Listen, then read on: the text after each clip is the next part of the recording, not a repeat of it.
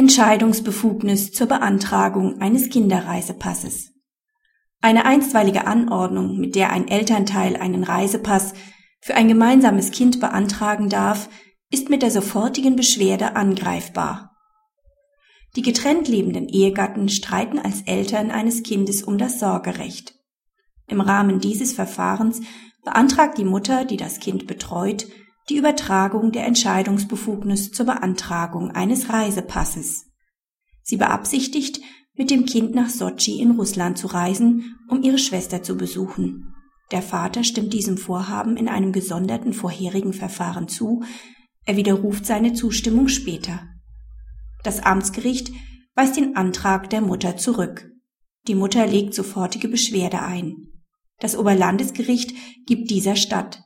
Die Entscheidung des Amtsgerichts ist abzuändern, da eine Gefährdung des Kindes nicht vorliegt. Die sofortige Beschwerde ist der zulässige Rechtsbehelf.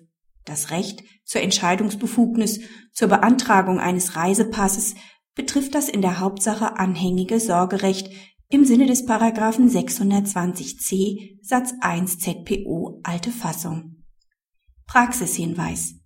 Die Anfechtbarkeit von einstweiligen Anordnungen über Unterhalt hat sich mit der Reform des Verfahrensrechts zum 1.9.2009 nicht geändert. Sie sind weiterhin nicht anfechtbar und treten erst dann außer Kraft, wenn eine anderweitige Entscheidung getroffen ist